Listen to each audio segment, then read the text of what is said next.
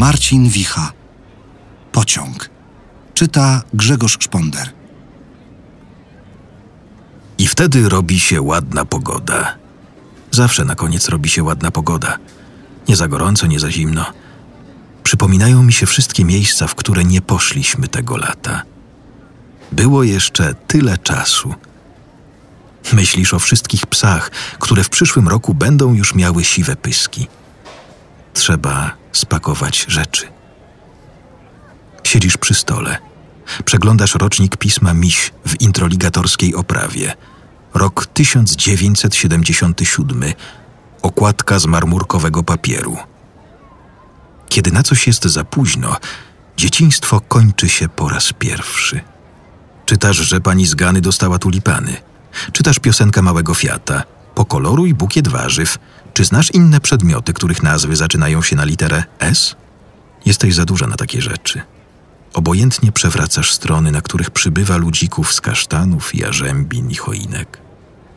Może jeszcze tu wpadniemy jesienią. Wiesz, że nie. W naszej dyni, wyzłoconej słońcem, brzęczą pestki, jak skarby w skarbonce. Trafi się jeszcze kilka pogodnych weekendów. Festyn, na którym będzie gorąco i tłok, nic nie zobaczysz, bo tłum zasłoni scenę. Jeszcze pojedziesz do szkoły na rowerze. W któryś piątek weźmiemy hulajnogę i wrócimy przez park. Jeszcze pozwolą wam się bawić na dworze.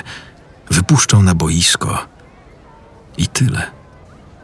Odrobina koloru, który wyszedł na linię. Potem zrobi się zimno. Przyjdą ciemne poranki. Parujący tłum w tramwaju. Syrop na kaszel, odgrzewany obiad. Kinderbale z tortami w kształcie żółwia lub wyścigówki. Wiesz, że nie ma innego sposobu.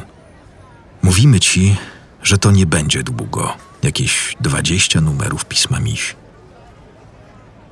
Kiedy wiosną słonko błyśnie, introligator obciął dół strony i nie potrafisz odgadnąć rymu. Jest już jesień. Wiedeński pociąg, mówię i na chwilę odstawiam walizkę.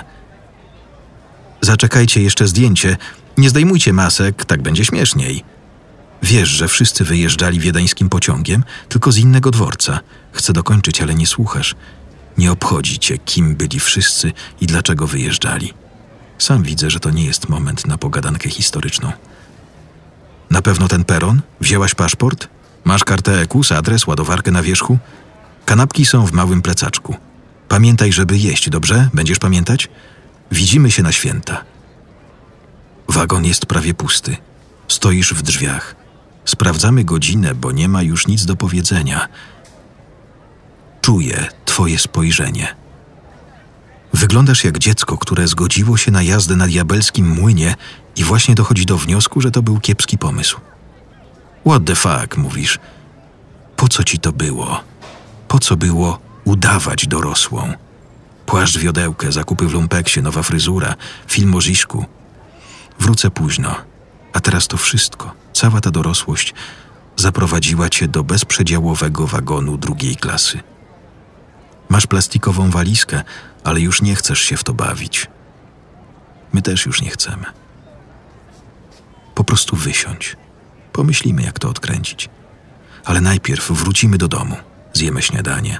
Mama zrobi omlet, polejemy go syropem malinowym. Potem pójdziemy do parku i nazbieramy kasztanów. Ile lat już tego nie robiliśmy. I dzisiaj nic się nie wydarzy. Ani jutro, ani nigdy. W każdym razie jeszcze długo.